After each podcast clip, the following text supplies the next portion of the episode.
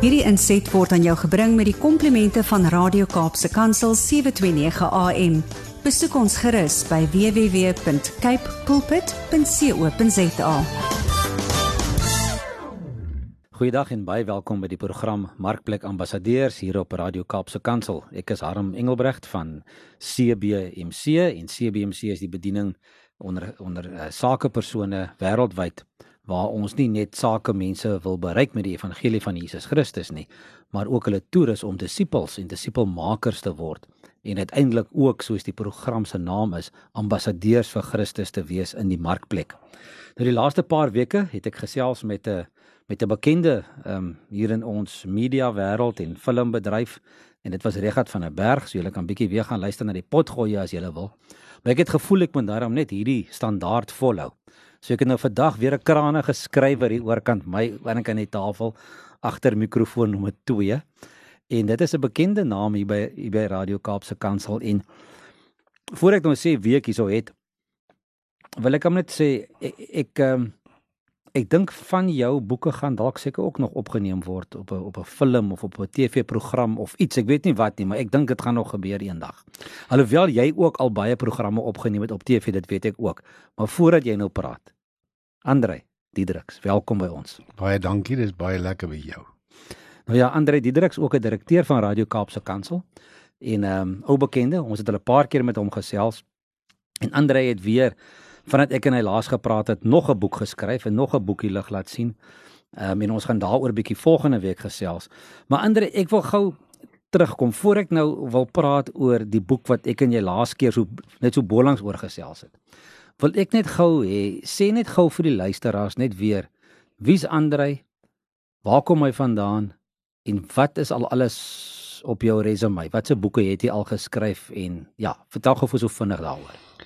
Ja, ek het ehm um, wel ek skryf graag al van van 'n jong ouderdom af en natuurlik in die sakewêreld baie begin skryf.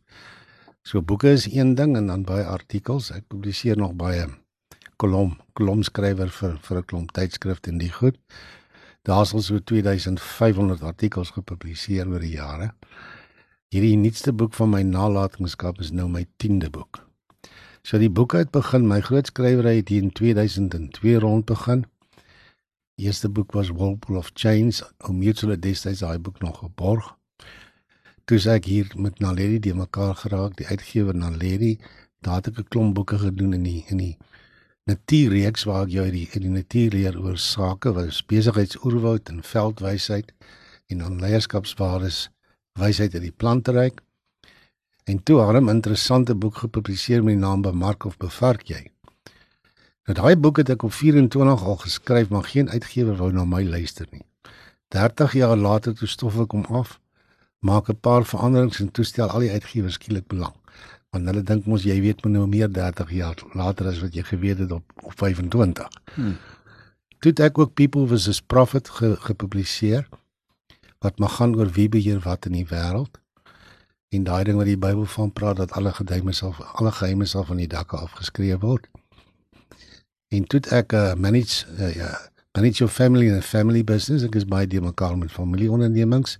En ek en professor Gideon Maas het daar 'n boek geskryf wat goed doen. Is 'n Engelse boek. En toe ek nou natuurlik besigheidsoorwoord ook in Engels gepubliseer Business Jungle. En toe het gekom my groot geestelike boek wat jy van weet A Tale of Two Brothers. En dan nou nalatenskap waar ons nou bietjie meer in detail sal praat in 'n volgende program. Andre, ek wil ek wil oor Tale of Two Brothers vandag bietjie dieper gesels, maar voordat ons daarby kom, en jy het nou gepraat van besigheidsboeke en jy is betrokke in in in familieondernemings. Jy is ook die voorsitter en stigter van die Family Association of South Africa, as ek reg is. Ja, van Basel die Family Business Association. Ja. Maar voordat ons nou kom by by vandag se boek.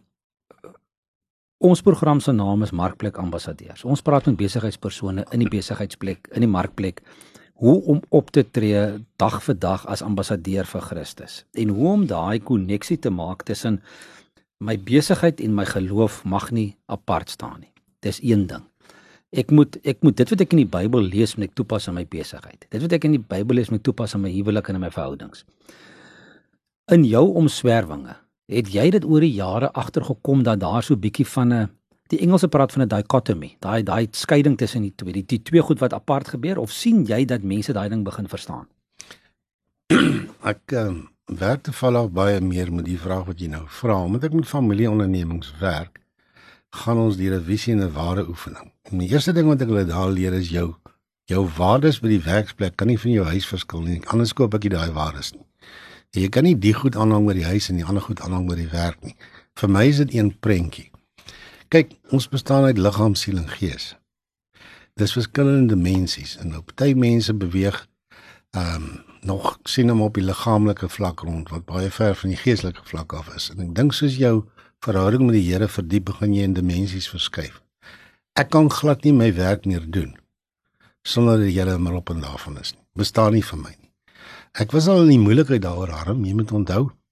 In die koöperatiewe wêreld ehm um, praat ek het ek baie gehore toe gespreek. Dan sat daar ons nou maar verskillende geloofsgroepe in die in die saal en ek onthou na 'n sessie in KwaZulu-Natal het die uh, bestuurende direkteur van die finansiële instelling daai tyd 'n brief ontvang van mense wat ehm um, klagte gelê het oor ek goed uit die Bybel aanhang by 'n by 'n finansiële instelling. Hmm. Jy weet by 'n aanbieding. En um, my MD was toe ook 'n Christen gewees. Hy sê ek moet maar versigtig wees vir die goed oor hoe ek dit verhoor. En ek het maar gou 'n ander plan uitgewerk want ek praat oor waardes en byvoorbeeld dan nou oor, oor etiek. En dan sal ek nou in die vertrek noem dat ehm um, jou waardes moet eties wees. Ek sê maar die die die, die definisie van etiek is die beginsel of die of die vermoë om te besluit is reg of verkeerd. Keer dan sal ek nou byvoorbeeld sê ehm um, jou geloof en goed gaan impakteer op jou waardesisteem want jou waardes bepaal maar op die ou en wat vir jou eties is of nie. Dan sal ek byvoorbeeld wys dat iemand in die goeie dan sê jy's 'n moslim byvoorbeeld so jy gaan na die Koran kyk dit lê in jou waardes. Ek is 'n Christen en ek gaan na die Bybel toe, die Boeddhis gaan na die Vedas toe en so aan. En die oomblik wat ek dit klaar gemaak het, vra niemand vra meer. Nou is almal gelukkig. Jy verstaan. Maar daai daar's 'n boek geskryf van die naam the Bible in the, uh, in the marketplace. En uh, ons moet ook onthou dat die disippels Jesus en almal het in die markplek geopereer. Het nie sonder aan kerke geopereer nie, hulle het in die markplek geopereer. En dis waar ons hoor, jy kan nie daai goed skei nie. In my ek sal glad nie kan verstaan dat jy dit kan doen nie. Ek dink soos jy geestelik groei en al hoe nader in jou geestelike dimensie begin lewe, gaan jy dit onmoontlik begin voed om daai goed te skei. Maar kan jy 'n simpel voorbeeld? Iemand vra vir my uh, Sanna met my 'n jaar klompie jare terug gevra om 'n aanbieding te gaan doen in Namibia aan 'n klomp familieboerdery. Oor die onderwerp hoe moet jou balansstaat lyk by dood? Nou toe ek oor daai onderwerp gaan sit en dink, te sit en dink, hier mens jou balansstaat by dood net oor geld gaan as jy iewers hmm. iets fout. Ek gaan toe met hulle toestemming en ek gaan verander dit na die balansstaat van die lewe. En ek vat toe die drie dimensies wat in die Bybel van genoem word, liggaam, siel en gees, en ek leer die mense toe jy moet op al drie daai terreine fiks wees. Jy kan nie net op een terrein mm. fiks wees nie. So dis my benadering. Andre ja baie dankie en ek en ek en dit is maar wat ons by ons bediening probeer is om ons om Bybelse beginsels ook in die besigheid in in te bring. Maar ek wil vandag met jou gesels oor 'n boek wat jy geskryf het. En ek het nou met 'n paar mense hieroor gepraat nadat ek hom gelees het en nog nie een ou met wie ek gepraat het het gesê my is nie nuuskierig om dit te lees nie so ek weet nie of ek nou jou top salesman van jou boeke is nie maar dis 'n lywige boek. Toe ek kom die eerste keer by jou uh, kry 532 bladsye dink ek vir myself genade wanneer gaan ek hierdie boek klaar gelees kry? Maar ek het hom Desember vakansie nou deur gelees. En ek moet vir jou sê uh, as jy aan die gang kom dan dan wil jy nie eintlik stop nie. Want hy is so geskryf dat jy nuuskierig raak oor wat gebeur volgende. En ek wil nou nie vir die mense sê waaroor die boek gaan noodwendig nie, maar dit kan jy vir hulle sê. Maar al wat ek wil sê eh, voordat jy nou gaan praat daaroor is wat vir my net amazing is, is hoe die hoe die geskiedenis wat ons in die Bybel lees, dit wat vandag in die wêreld gebeur en die profeseë alles so mooi bymekaar kom en in, in 'n een boksie gepak kan word. Ja, ja. Hoe moeilik was dit om daai koneksies te maak en daai storie bymekaar te sit? Wel, arm daai boek was nie eenvoudig nie. Ek meen ek dit vat my vat byvoorbeeld leierskapswaardes wys dit in die plantrek. 6 weke na kom begin het is die boek al klaar by die uitgewer. Hierdie boek het 10 jaar se navorsing gevat en 7 keer se herskryf voor ek en my gees nou gevoel het die ding is nou gereed. Die Here sê hy kan nou maar gaan. Ek moes geweldig baie studie gaan doen net oor die geskiedenis van waar dinge vandaan want jy kan nie die toekoms verstaan as jy nie die geskiedenis verstaan nie. Die twee praat met mekaar. En dis 'n baie duidelike ding wat ek deur hierdie boek geleer het dat jy 'n mens kan soms goed buite buite konteks sien omdat jy nie die draad verstaan van van waar dinge vandaan gaan, vandaan kom nie. Sou moet verstaan en dan moet jy teruggaan in die Bybelse waarhede en dan wat die boek natuurlik nou meer ingewikkeld gemaak het is Die geskiedenis kon ek goed navors en jy moet op versigtig wees oor jou bronne. Maar dan is daar 'n gedeelte in die boek wat gaan oor die eindtyd en dan begin jy werk met profeseë. Dinge wat besig is om te gebeur of nog moet gebeur. En dan is daar natuurlik 110 verskillende persepsies en opinies en goed van teoloë oor wat nou eintlik gaan gebeur en hoe die dinge nou eintlik gaan werk. En dan moet jy sterk naby die Here bly om in jou gees te kan voel hoe hierdie ding moet loop of hierdie ding nie moet loop nie. En as jy nie lekker voel oor 'n ding nie, dan moet jy hom nie skryf nie. Ek het so begin lees ook so. Hmm. En dis waar die sewe keer se herskryf vandaan kom. Jy moet onthou die boek gaan oor 'n stryd tussen twee broers wat nou al van hm, Abraham se tyd in die Bybel kom. Ehm um, ek kan seker nou maar die boek se naam noem nie, A Tale of Two Brothers. Dis waar dit gaan. Dit gaan oor die stryd tussen Ismael en Isak. En wat my laat begin wonder het en die Here het hierdie goed in my wakker gemaak oor hoekom hierdie mense so in oorlog is want jy praat oorsaaklik van die Midde-Ooste se spanning tussen tussen die moslimlande en die en Israel. Dis maar hierdie dis maar eintlik waar die geveg gaan nou waar hierdie goed vandaan kom. En toe ek deur die geskiedenis begin gaan te begin ek verstaan. Maar daar's ook iets baie belangrik wat ons moet verstaan is God het gesê in Genesis dat Ismael en sy broer vir altyd in oorlog met mekaar gaan wees. Dis eintlik divine, dit is eintlik preordained. Dis vooraf bepaal. En dis hoe dit gebeur nou nog na al die jare. Dan moet ek ook verstaan, ek het goed raak gelees van Abraham wat ek nooit geweet het nie. So byvoorbeeld, Abraham het nie geweet Isak gaan nog kom nie. En hy het begin wonder. So hulle toe hulle daar op pad is na Melchisedek toe, het hy ook vir Ismael gesê, maar eendag gaan hierdie goed aan jou behoort en hom vertel van hom belofte van die Here. So ou moet ook verstaan dat daai goed gaan vashak het en dan nou kan ook verstaan seker hoekom Ismael so gereageer het want alles is toe oor na Isak toe. Maar waar die groot stryd in hierdie ding vandaan kom, hoekom ek sê daai oorlog sal nooit ophou nie. Hulle kan peace treaties maak soos hulle wil want dit is preordained en as gevolg van die volgende goed. As jy 'n moslim is, dan glo jy mos in die Koran. Nou in die Koran staan dat Abraham vir Ismael moes gaan offer. In die Bybel staan dat Abraham vir Isak moes gaan offer. Nou wie ook al daar geoffer word, is die regte erfgenaam van die land wat aan hulle beloon beloof is. So daar's geen manier waar daar ooit konsensus gaan wees hieroor nie, want as jy 'n moslim is, gaan jy glo Abraham het vir Ismael moes offer en daarom is die regte erfgenaam Ismael en as jy 'n Christen is of 'n Jood is, gaan jy glo dis Isak. So dis 'n nimmer in 'n nimmer inrigte tyd. Maar wat ek in die boek wel gaan doen het, want daar's gedeeltes in Openbaring wat my toelaat, as ek dit hierdie stryd tussen die twee broers, hulle sê altyd jy het net 'n gemeenskaplike vyand nodig. Hmm. Nou in die boek word die anti-kris en die valse leraar en almal mos nou maar geskep en dan die valse leraar en die, die anti-kris het, het het nou hulle eie agenda. En dan in die eindtyd het ek dit kon regkry dat hierdie twee broers al versoen teen die anti-kris. Jy het dit seker opgetel toe hierdie boek gelees het. Maar daar's gedeeltes in die Bybel wat my toelaat om dit te doen. So ek weet nie wat se verdere vrae het jy nie. Andre nee, dit is net vir my geweldig interessant hoe hoe hierdie boek aan mekaar gesit is en hoe jy skuif tussen werklike gebeure ehm um, en en en en dan so 'n bietjie storie rondom dit bou. Jy, jy praat ook van 'n apokaliptiek novel, né? Ja. 'n eindtyd no, no, novel wat jy geskryf het. En en en hoe goed ehm um, hoe mense in plek en posisies gesit word en eintlik as jy gaan terug aan Bybel toe dan bewys jy vir die mense maar dit is waar dit reeds al voorspel is en en en en waar voorsiening gemaak is daarvoor.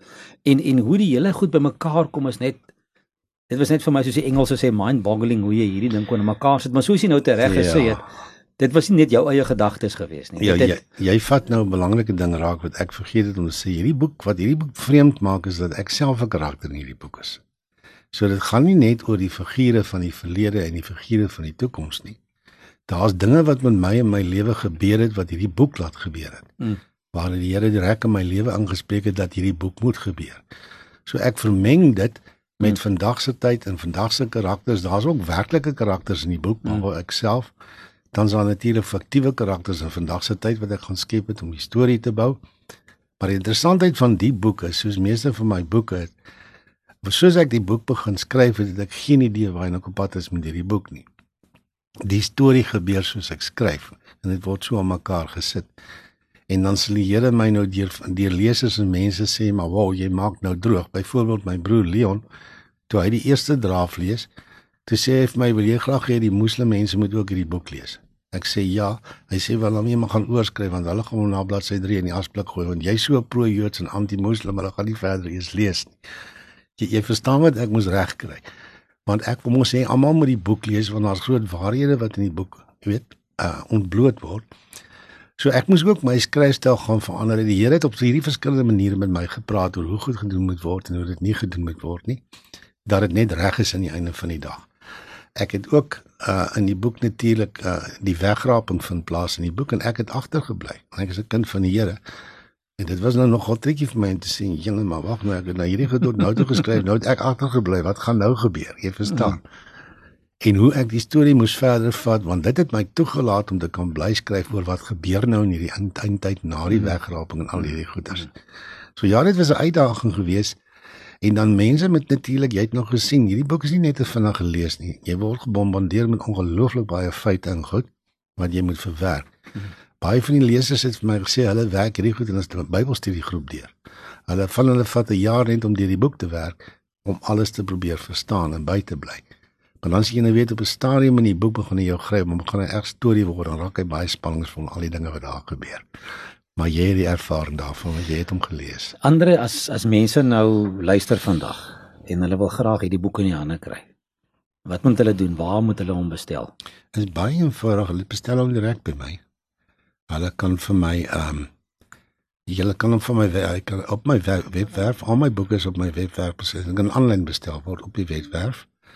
Dit is natuurlik nou net www.andreidiedriks.co.za en daai Andrei Diedriks moet julle net onthou, daai Diedriks is die Duitse Diedriks. Dis D E E D E R I C H is en nie K is. Dis eintlik Diedriks. Die eintlik Diedriks, anders kom daai goed nie by my uit nie.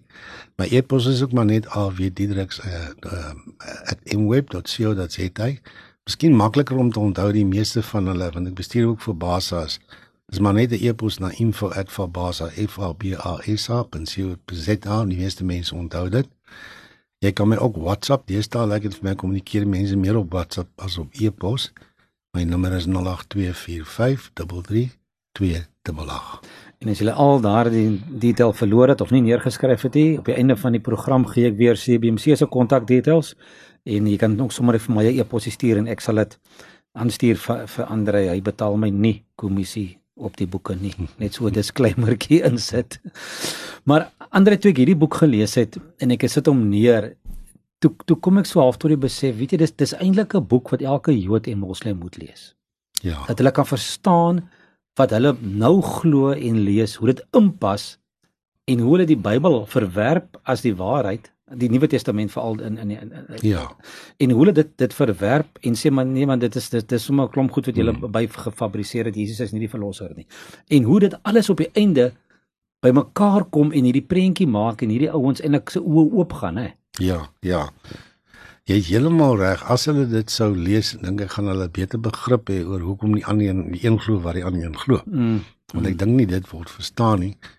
Wat die ding baie ingewikkeld maak is die ortodokse Jode glo dat die Messias nog moet kom. Hy was nie hier nie, Yeshua, nee, hmm. Jesus. In die moslimwêreld is dit baie baie meer ingewikkeld. Daar is 'n deel van die moslems wat glo dat Jesus wel die Messias is. Hulle noem hom Isa in die Koran.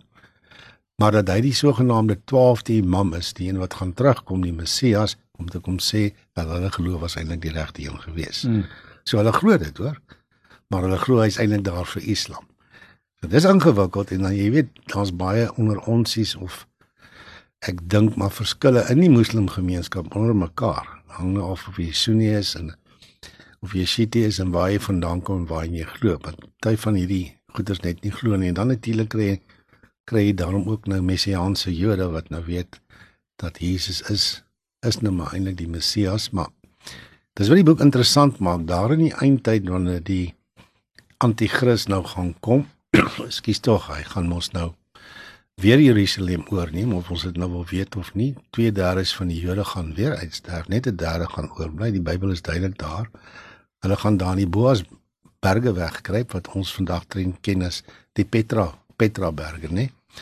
En nou die mense al vir my vertel hoeveel Bybels is al aan daai berge versteek want hulle weet die Jode gaan daar op eendag op op eindig eendag mm. sodat hulle die waarheid kan hoor. En dat Jesus baie duidelik in die Bybel vir hulle sê hy kom nie terug voor om nie herken as die Messias nie. En al daai goed kom ons jy moet agterkom in die boek by mekaar ja, oor ja. hoe dit gebeur dat hulle nou uiteindelik verstaan dat hy ja, die Messias is. Ek is sommer opgewonde ek gelees dit sommer weer.